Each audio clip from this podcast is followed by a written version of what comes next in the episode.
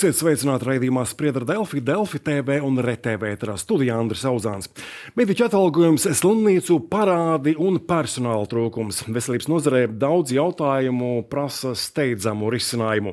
Par to, kā šie jautājumi tiek risināti šobrīd, kā šie risinājumi ietekmēs ārstus, pacientus un cilvēku eh, vispārējo veselības stāvokli, par to runāsim šajā raidījumā.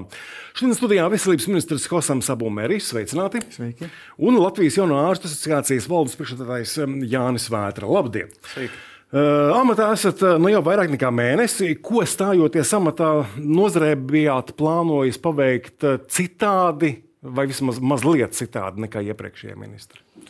Nu, pirmais mēnesis bija ļoti smags, un turpmāk ļoti smags. Mēs strādājam tik daudz stundas, lai mēs varam saprast. Uh, visas dažādas problēmas, jo mm, būdam saimnes deputāti un arī ārsts, kurš eh, sēž savā praksē katru dienu, nevarēja iedomāties, ka tomēr nozare ir tik daudz problēmas, kas arī ne tikai saistīta ar finansējumu, bet arī ar eh, nu, vienkārši organizāciju jautājumiem.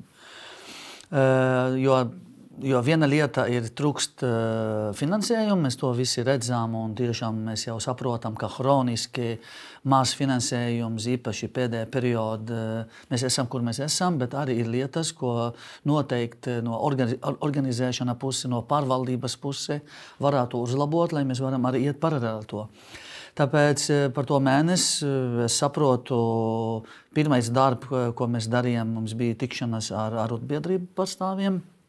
Mēs strādājam pēdējās eh, divas eh, nedēļas ļoti, ļoti intensīvi un aktīvi. Un sadarbībā es uzskatu, ka ļoti labi. Tiešām, un, eh, un arī no arotbiedrība puses saprotu, ka viņam ir patīk, ka tomēr no veselības ministrijas puses mainīs to veidu, kā agrāk runāt. Nu, es tā saprotu. Jā. Un eh, es arī no pirmā diena teicu, es esmu ārsts, un es būšu ārsts līdz ar to. Būsim nevar... pusē, nu, jā, nu, es esmu loģiski, jā, es eh, nevaru būt, būt citādāk. Jā. Un līdz ar to šeit jautājumi ir skaidrs, ka es nebūšu tāds cilvēks, kurš gribēja uztaisīt konfliktu. Otrādi es saprotu to problēmas, un mēs gribam kopā risināt, neviens pats. Jo, ja mēs esam viena laivā, ja, ja man nesanāk, neviens nesanāk, tad mums kopā ir jā, jā, jāiet uz priekšu un jā jāatrod risinājumi visas problēmas, kas mums gaidīs. Jau no ārsta asociācijas pārstāvji arī jau ir tikušies ar ministru. Kā vērtējat nu, to sākotnējo sadarbību, vai izskatās, ka jūs uzklausa un ņem vērā? Es teiktu, tā, ka sadarbība arī līdz šim ar veselības ministriju kopumā ir bijusi samērā veiksmīga, varētu teikt, tāda pragmatiska sadarbība, kur mēs ar savu viedokli, viņi ar, varētu teikt, savām iespējām ir nākuši arī, cik ir bijis pretī. Uh, bija tā iespēja arī ministru pirms dažām dienām eh, tikties. Eh, izstāstījām arī, kas ir no mūsu puses aktualitātes, pastāstījām, varbūt nu, teikt, raksturojām, kāda ir tā situācija, kādā šobrīd atrodas, piemēram, jauni ārsti Latvijā, par atalgojumu, par darba vidi, par tām profesionālās izaugsmas iespējām. Man liekas, ka tās prioritātes un izaicinājumi, kur, kā, ja mēs skatāmies, kas nāk no ministra puses, kas no mūsu puses, tad ir ļoti daudz, kas sakrīt, pārklājās. Ar... Tikoties ar ministru, vērsāt uzmanību arī uz rezidentu zemo darba samaksu. Kāpēc šī ir uh, liela problēma, jūsuprāt? Uh, varētu sākt ar labo šajā aspektā, ka pēdējos gados ir bijis tomēr vērā ņemams arī pieaugums algu, bet, ja mēs salīdzinām ar, ar Eiropas blakus pat esošām valstīm, Lietuva, Igaunija, tad eh, tāds jauns ārsts eh, Igaunijā jau pelna par gandrīz 1000 eiro lielāku algu. Ja, jau uzsākot savu profesionālo, jā, profesionālās gaitas. Un tas ir jautājums par to, vai jaunie ārsti ir motivēti palikt, strādāt Latvijā, vai tā darba vide no darba devēja puses, no valsts puses ir tāda, kas motivē un aicina jaunu ārstu palikt Viens, protams, būtisks aspekts ir atalgojums, jo tie ir jauni cilvēki, bieži vien ar ģimenēm, mācījušies sešus, tālāk jau specializējoties līdz desmit gadiem un vēl vairāk. Nu, tā, tā, tās prasības pret uh, to dzīves kvalitāti, pret to ieguldīto darbu un tām atbildībām, kas ir jau kā strādājot kā ārstam, nu, ir tādas, kas prasa nu, adekvātu atalgojumu. Protams. Uh, jā, šo jautājumu risināsiet? Par Tas nav, uh, tas, mēs jau risināsim visu kopu, uh, uh, kopumā, visi atalgojuma sistēmā. Ir, mēs arī uh, gan arī ar, ar uh, ārstu asociāciju, gan arī ar ārstbiedrību, gan arī ar rūpbiedrību runājam, ka tomēr, protams, atalgojuma sistēmā ir vajadzētu normāli skaidrs modeli. Kā mēs varam uz priekšu iet, bet visi paralēli ir jāiet arī ar dažām izmaiņām, ko mēs arī kopā runājām dažas dienas atpakaļ par, piemēram, slimnīcas tīklu uh, profilēšanas. eh, par arī um, pakalpojumu, piemēram, eh, geogrāfiskais, kā viņš būtu to pakalpojumu. Viena vieta viņš būtu koncentrēta, viena vieta viņš būtu. Saprot, tas ir visi jautājumi, ir saistīti kopā, bet, bet noteikti eh, es piekrītu, ka eh, mēs, eh, mums bija ļoti labi eh, testēt, ko darīja rezidenti un jauni ārsti Covid laikā. Viņi īstenībā daudz vietas, īpaši reģionālas slimnīcas un ārpus Rīgā, viņi uztur to pakalpojumu. Jā, to, jā, protams, tā. laba situācija, līdz ar to šī noteikti tās jautājums ir vajadzētu uzlabot. Tā, bet tā pašā laikā, kā Dr. Vētra teica, ka tomēr ir arī labas lietas. Mēs arī redzam, ka viņš mums eh, um, ļoti laba prez- prezentācija par aptaujas eh, apmēram šit- 400 jauni ārsti. Un tā atalgojuma ir arī ir svarīgs, protams, tas aptaujas, bet arī ir citas lietas, kur ir svarīgi, piemēram, darba vidē, ko mums eh, tiešām no ministrijas pusē ir jāstrādā ļoti intensīvi ar, ar slimnīcām, ar universitātes slimnīcām, par rezidentu vienkārši, lai būtu gan rezidenti, gan jauni ārsti, lai būtu normāla darba vidē. Nu, kur, eh, kur sēdēt, kur strādāt, kur gerbties, kur piedod.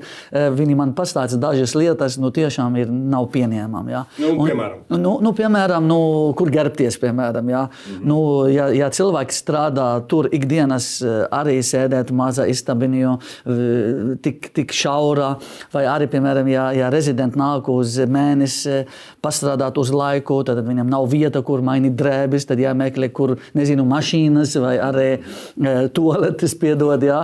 Tas ir ļoti, ļoti nepatīkami un neprofesionāli. Un, un šī jautājums noteikti e, mē, es izrunāšu kopā ar universitātes klinikas un ar visas klinikas, kur vispār strādā rezidenti, jo nevar būt bez rezidentu, nevar būt rezidenti arī vai jaunais ārsts tādas dzīves apstākļi. Par atalgojumu es piekrītu, ka mums ir jā, jāstrādā uz labo pusi. Bet eh, arī, kā doktor teica, ka tiešām pēdējie 4-5 gadi bija būtiskas izmaiņas alga ziņā. Ja? Un eh, arī tas aptaujā arī pierāda, ka tomēr arī tas, kā saprotu, ka skaits, kas gribēja pamest Latviju uzreiz pēc, eh, pēc izglītības, arī ir mazāk nekā agrāk salīdzinot. Bet arī vēl, vēl nav labs. Pieturās, tomēr, samērā Jā, samērā augsti 20 pāri procenti tas arī nav maz. Un īpaši ārstu trūkums un medika trūkums tas ir ļoti Jā, jā, nozīmīgs Par jautājums. šiem rādītājiem varētu pastāstīt Jā. vairāk, kādas ir Jā, tendences. tad, tas arī, ko jau ministrs uz ko atsaucās, ir tādas aptaujas, kuras mēs arī veicam katru gadu jaunu ārstu starpā. Un tad viens no jautājumiem ir par to, vai jaunie kolēģi ir apsvēruši doties ārpus Latvijas, tālāk turpināt savu profesionālo karjeru, nu, principā pārvākties uz dzīvi ārpus Latvijas. Un tad, ja skatāmies eh, uz gan rezidentiem, tad tie, kas vēl ir apmācībā, gan jauniem ārstiem, tad apsver ceturdaļa. Un tādi, kas eh, tajā brīdī jau bija aptaujas brīdī izlēmuši, ka viņi dosies prom no Latvijas, ņemot vērā nu atalgojumu, darba vides, attieksmes, nu, dažādus aspektus. Tad tie ir vairāk par 10%, kādi līdz 12%. Tad katrs desmitais vai pat katrs devītais ir tāds, kas saka, ka viņš sevi Latvijā neredz, viņš vēlas doties ārpus. Un Tā, tas ir ļoti liels skaitlis. Jā, Bet tas ir vairāk vai mazāk nekā iepriekš. Tas ir nedaudz mazāk. Tas, to mēs redzam, ka kā, tas ir sācis kā bremzēties šī tendence, bet joprojām tā, tie, tie skaitļi ir nu, pārmērīgi lieli, kurus, es domāju, nu, kopumā valsts nu, tā nevar Ņemot vērā, atļauties. ņemot vērā mūsu situāciju, jā, ka trūkst mm. tiešām mediki. Jā, līdz ar to šī ir ļoti nozīmīgs jautājums, ko mēs kopā strādāsim. Gan no budžeta puses, gan arī visi to darba vidi, piemēram, sakārtošana. Jo tiešām arī ietekme manī, ja es eju uz darbu un jūtos labi.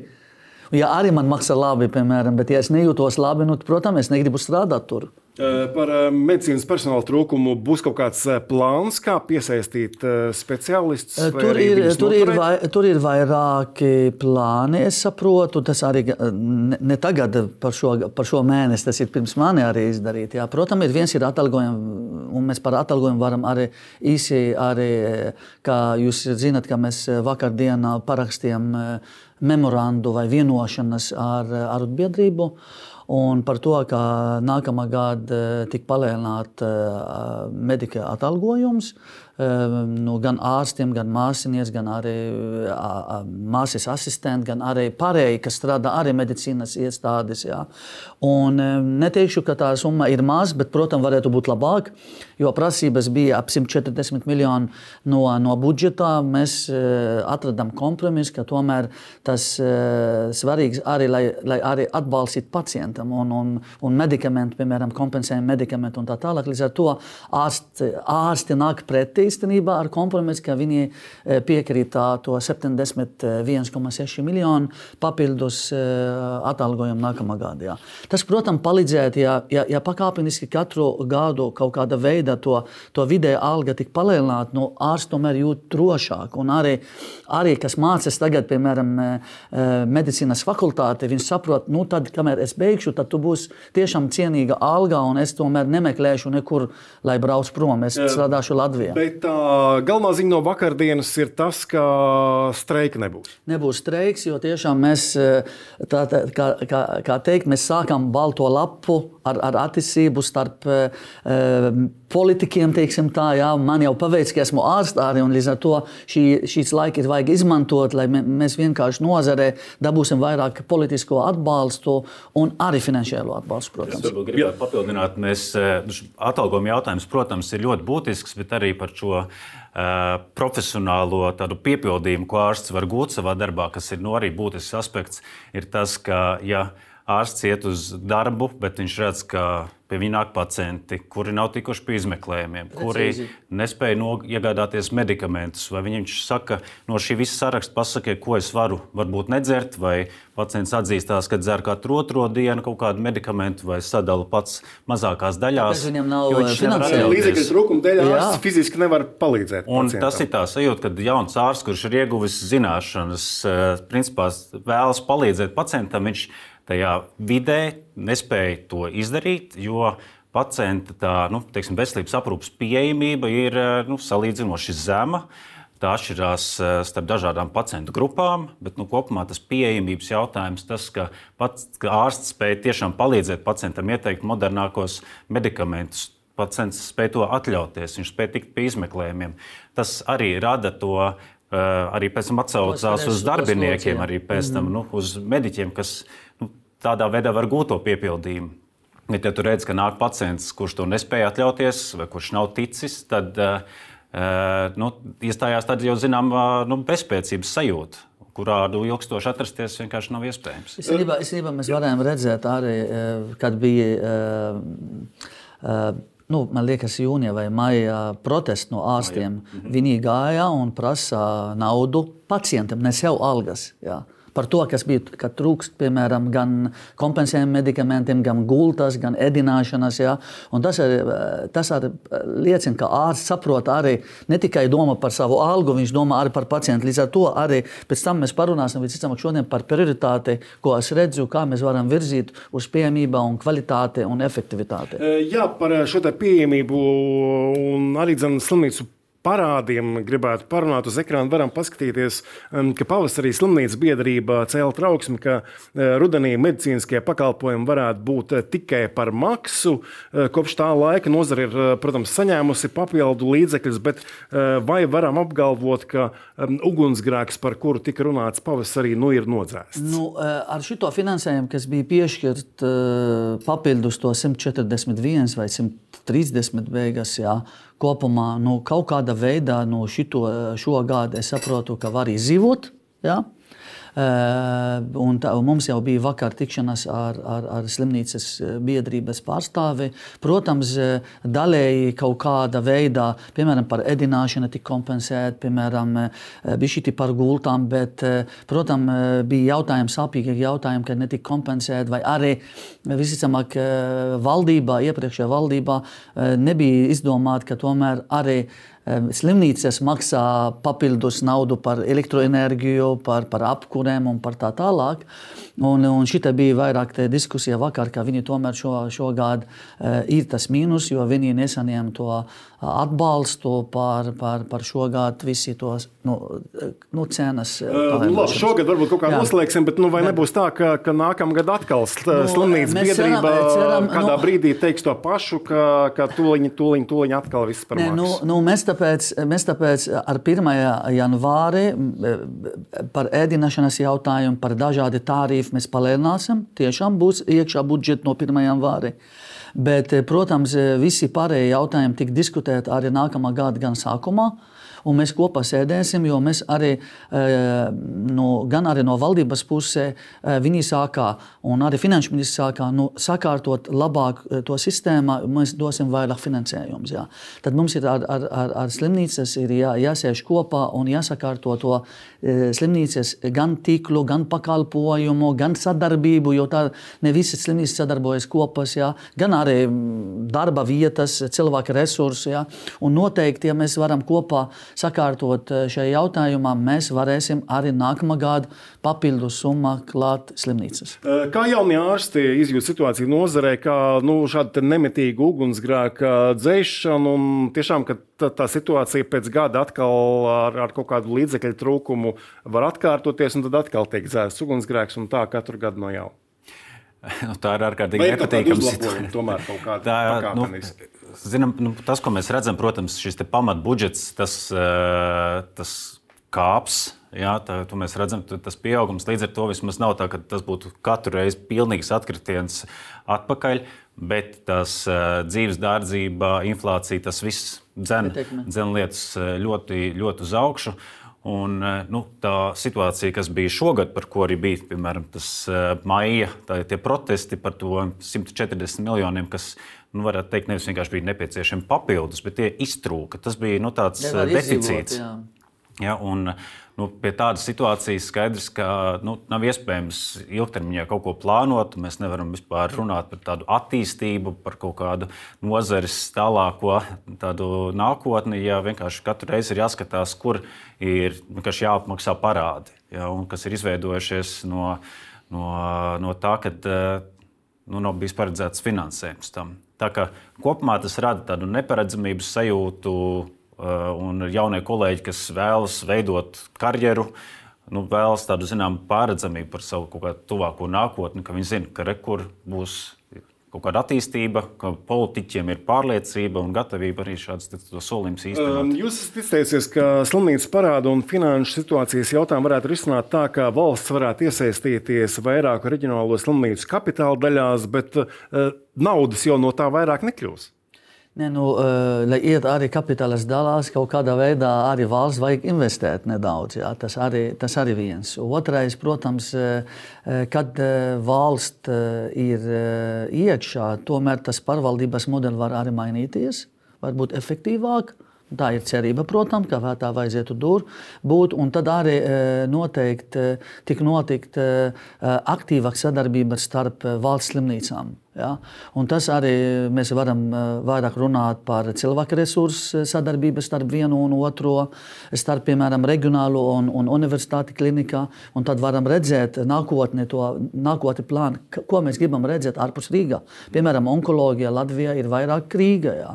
Kardioloģija mums ir Rīga, mums ir Daugava pils tagad. Nu, jautājumi, kā mēs varam paplašināt to pakalpojumu un kāda veidā mēs gribam, lai to pakalpojumu kļūst kvalitatīvs un tāpat kā ja jūs vai man es ārstēšos, piemēram, Rīgā vai Jakapili vai Dagovpili vai Lepā, jābūt vienādai.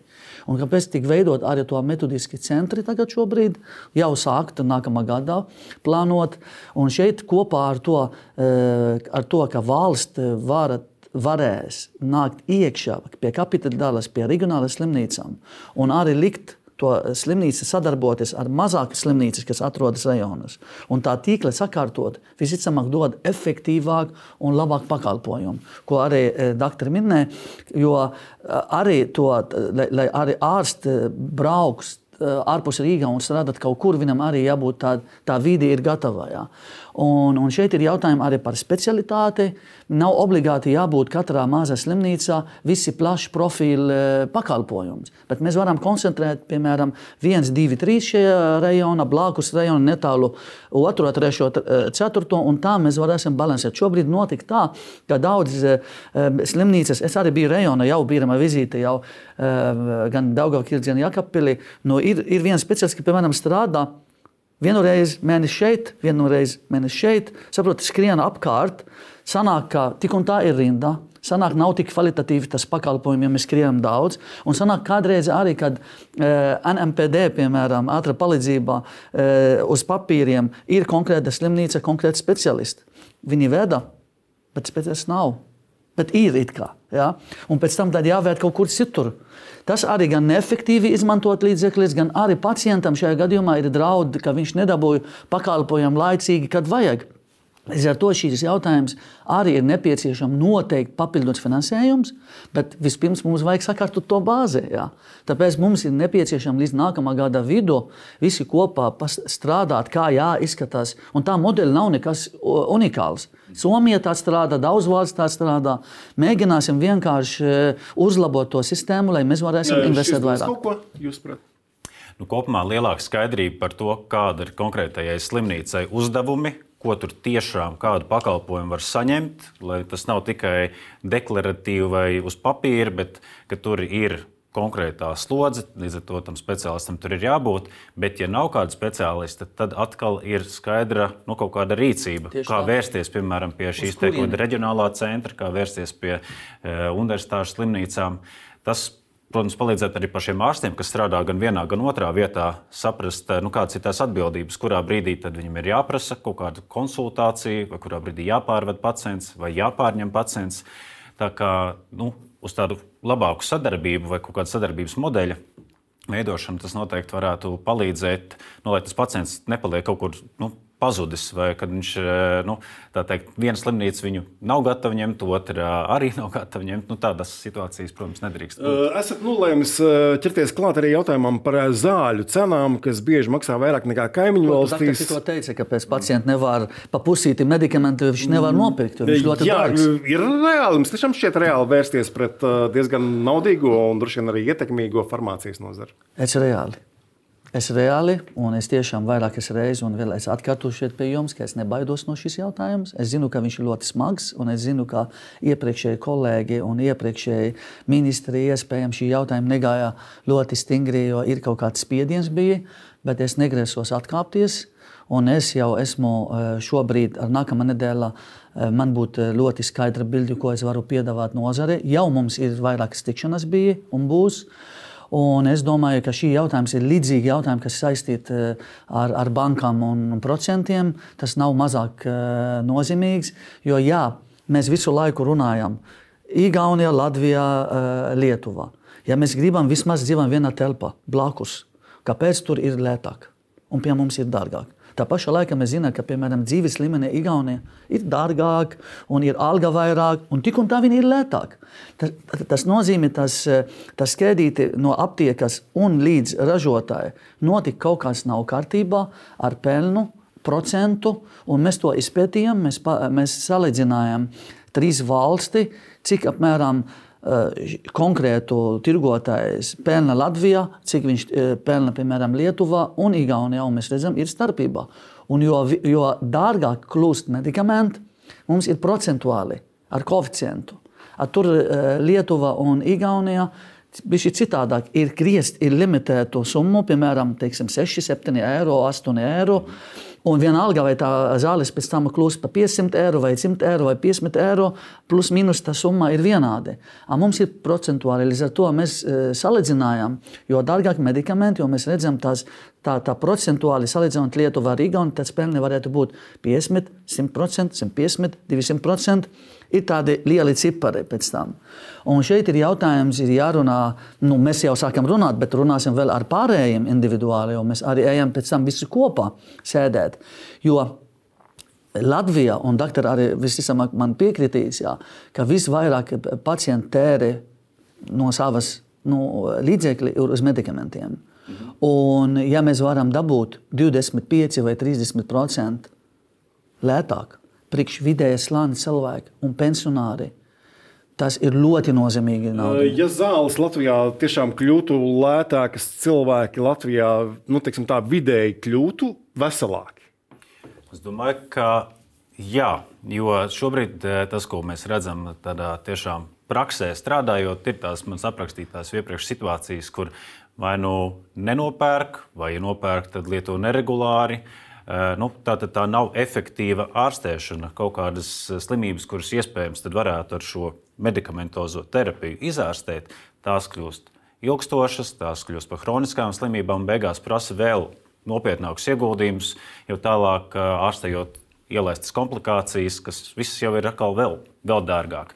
Līdz ar to, ja no valsts puses ir iespējams uh, veikt tādus soļus, kas samazina uh, medikamentu cenas, es domāju, ka tas kopumā ir būtisks ieguldījums tajā, lai, lai sabiedrības tādu veselības radītāji arī varētu kaut kur tomēr uz augšu pacelties. Bet par medikamentiem es ja drīkst vēl vienu, Jā. es gribētu informēt arī, ka mēs jau sākām jau, jau no pirmā nedēļa esmu kā ministrs runājam ar, ar, ar departamentu, ar darbiniekiem, un mēs sākam revidēt to kompensējumu medikamentu. Jo tur arī doktori var piekritīs, arī, ka tur ir daudz inovatīvi un jauni medikamenti, kur ir gaida rindā dēļ finansējums, un daudz medikamenti arī, ko mēs lietojam jau ilgstoši gadiem, un viņi vairs nav efektīvi. Un arī mēs, kā pacienti, jo viņš nevar uh, tikt pie to labu medikamentu, tik uh, uzrakstīt uh, no recepta ar lētāku, kur faktiski viņš arī nav efektīvs tik un tā mēs tērējam naudu uz to lētāko medikamentu un nav efekta. Līdz ar to tā revidēšana ir notiks, un es ceru, ka līdz pavasarim mēs tiksim ar rezultātu, jo tas jautājums notika eh, kopā ar, ar, ar profesionālām organizācijām. Un tad ir, eh, ir, arī, ir arī kaut kāda summa, tika rezervēta ar budžetu, ka mēs varam, kad mēs revidēsim, pakāpeniski ar nākamā gada sāksim bišķīti to sarakstu, inovatīvu sarakstu ieviest iekšā. Bet, protams, tas nenotika ar vienu gadu, jo tur ir apmēram 100 miljonu eiro nepieciešami tikai uz kompensējam medikamentus. Bet nu, pakāpeniski mēs to darīsim, jo mums būs skaidrs arī, kādi medikamenti palikt, kādi medikamenti ir e, uzreiz vajag pie, e, uzrakstīt, un kādi medikamenti varbūt tomēr, ko, ko Eiropā un arī Lietuvā un Igaunijā lieto jau uzreiz, mēs jau nelietojam uzreiz pie ārstēšanas. Tāpēc arī pacienti kļūst nu, nekļūst veselāk, un tik un tā pēc kāda eh, perioda viņam vajag to medikamentu lietot, un viņš neiet uz darbu, un nestrādā un neražo tā kā ekonomiski. Jā. Vai nākamgad veselības nozarē paredzētais finansējums ļaus samazināt rindas uz izmeklējumiem? Nu, daļēji. Daļēji ir, ir, ir papildus finansējumi uz ambulatorijas un vispār uz izmeklējumiem. Eh, bet tas nebūtu, es jau godīgi uzreiz eh, runātu, jo mēs zinām, kā budžeti iet. Jā jau mēs jau redzam, tā pozīcija ir atalgojuma viena daļa, ir viena daļa, eh, piemēram, medikamentiem. Ļoti skaidri ir viena daļa jaunas lietas, ko mēs sākam darīt, piemēram, transplantācija, arī apmācības, eh, laboratoriski un tā tālāk. Jaunas lietas, ko vajag ieviest. Ja? Un, protams, ir, ir, ir arī mums arī prioritāte, piemēram, onkoloģijas rindas samazināšana, tik arī piešķirt naudu klāt, lai vienkārši to novērošana ne tikai eh, agrīna un pirmā Eh, atklāšanas eh, eh, posmu arī ir pēc tam, kad tika izārstēta un cilvēki ir jāiet daži gadi uz, uz novērošanu, lai redzētu, vai tur ir no recidīvs vai tā slimība at, atjaunoja. Ja? Līdz ar to ir, šī jautājuma arī ir paredzēta budžeta, bet es nevaru apsolīt nu, tādu brīnumu, ja? jo nu, pakāpeniski mēs sākam labot. Vai ticat, ka tās trimdas kļūs mazākas? Um, ir cerība noteikti, e, jo, kā jau arī tika iepriekš minēts, ir gan šie pakalpojumu sniedzēji, kuriem ir nu, jāvēlās un jāspēj to sniegt, ir, ir mediķi, kuriem ir fiziski jābūt tur, lai, piemēram, šo pakalpojumu sniegtu. Un, e, nu, tas arī ir ļoti atšķirīgs par dažādām nozarēm. Protams, konkrētie speciālisti vai konkrēti izmeklējumi, magnētiskā rezonanse vai ultrasonogrāfija, katrai jau ir tāda sava rinda. Uh, viena no iniciatīvām, kas saprot, šobrīd ir, es ceru, ka tā arī virzīsies ātri uz priekšu par nu, mērā, tādu digitalizāciju, kur visi šie nu, dati kļūtu nu, kaut kādā mērā apstrādājumi, analizējumi. Jo, ja kurā nu, gadījumā tas būtu vienkops, jo šobrīd ir tiešām laikam liels haoss. Mēs nezinām līdz galam, arī, kas notiek patiesībā daudzās jā. lietās, arī Latvijas medicīnā. Jā. Un, ja mums būs kaut kādi digitāli dati, tomēr uh, būs iespēja analizēt un arī jau krietni labāk varbūt plānot un prioritizēt. Uh, šos jautājumus. Jaunā e-veselība. Jo tas, jo tas arī varētu arī, labot rindas kārtības pierakstīšanu, jo mēs arī zinām, ka rinda tomēr arī nesimtprocentīgi, kā viņš izskatās. Jā? Jo, piemēram, ir pacienti, kur pieraksta vairākas vietas, un kad viņi tik kaut kur nevienmēr tik informēti. Līdz ar to uz, uz, arī uz tā vizīti dienā vienmēr krīt ārā daži pacienti, jo viņi jau bija kaut kur citur. Līdz ar to tā rinda arī ir garāka. E-veselības sistēma. E-veselībā sistēma mēs netaisam tādu jaunu, jaunu, tur ir vairāki modeļi, kas tagad jau strādā. Eh, vienkārši to modeli ir jā, jā, jā, jāizveido platforma, lai var integrēt visi esošie modeļi vai programmi, jo daudz programmu arī ir tik daudz dati un nedrīkst to dati vienkārši zaudēt kaut kur. Tā kā tas jautājums eh, arī ir prioritāte. Mēs ejam šogad, ceru, eh, decembrī uz ministra kabinetu ar ziņojumu, un mēs informēsim, kur tās problēmas un kā ir risinājums. Nu, to plāns ļauj mums, ka mēs sākam izveidot to platformu, par ko es runāju. Um, Stradiņas slimnīcas A2 korpusu būvniecībā pastāv Eiropas Savienības līdzekļu neapgūšanas risks. Uh, vai šobrīd, uz šodienu, ir liel, lielāka skaidrība, uh, cik reāli šos līdzekļus uh, pazaudēt un cik miljonus varam zaudēt? Tas ir, tas ir reāli man vissāpīgāk jautājums stājus amatā pirmā diena. Kad man atnāca informācija, ka tomēr ar būvniecību neiet pilnīgi un būvnieki nedara savu darbu, un, eh, diemžēl eh, katru mēnesi neizdarītu darbību būvnieka laukumā, tas nozīmē, ka mēs zaudējam konkrētu miljoni, ne miljonus, miljoni, kas nāk klāt pie tā summa. Šobrīd izskatās, līdz šobrīd vairāk nekā 46 miljoni eiro tika izzaudēti.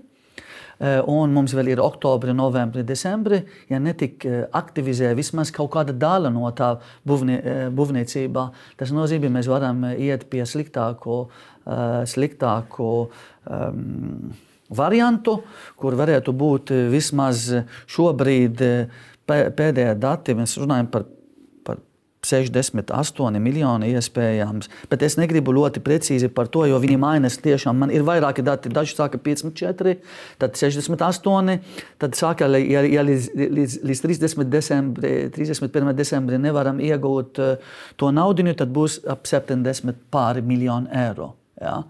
Un eh, šeit ir, eh, varam runāt arī par to, par to kontrolu, par to mehānismu. Ja mēs zinām, ka no 1. janvāra nekas neiet uz priekšu, kāpēc mēs, mēs gaidām līdz pēdējiem mirkli, jo šī nauda varētu eh, laicīgi virzīt kaut kur citu projektu.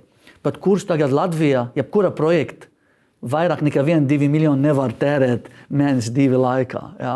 Tu nevarēsi, varbūt vienu, vienu, vienu, vienu eh, gatavu projektu, ko mēs gribam virzīt vienu daļu, piemēram, bērnu slimnīcā vai kaut kur citur, bet tas ir ļoti minimāla summa. Tas ne, neizglāb mūsu zaudējumu. Ja? Un šeit ir to atbildības sajūta, ko es vienkārši nesaprotu. Eh, slimnīcas mm, teiksim, tā, pārvaldības modeli, kā viņi vienkārši izgulēja tik ilgi no šī jautājuma un nesako līdzi.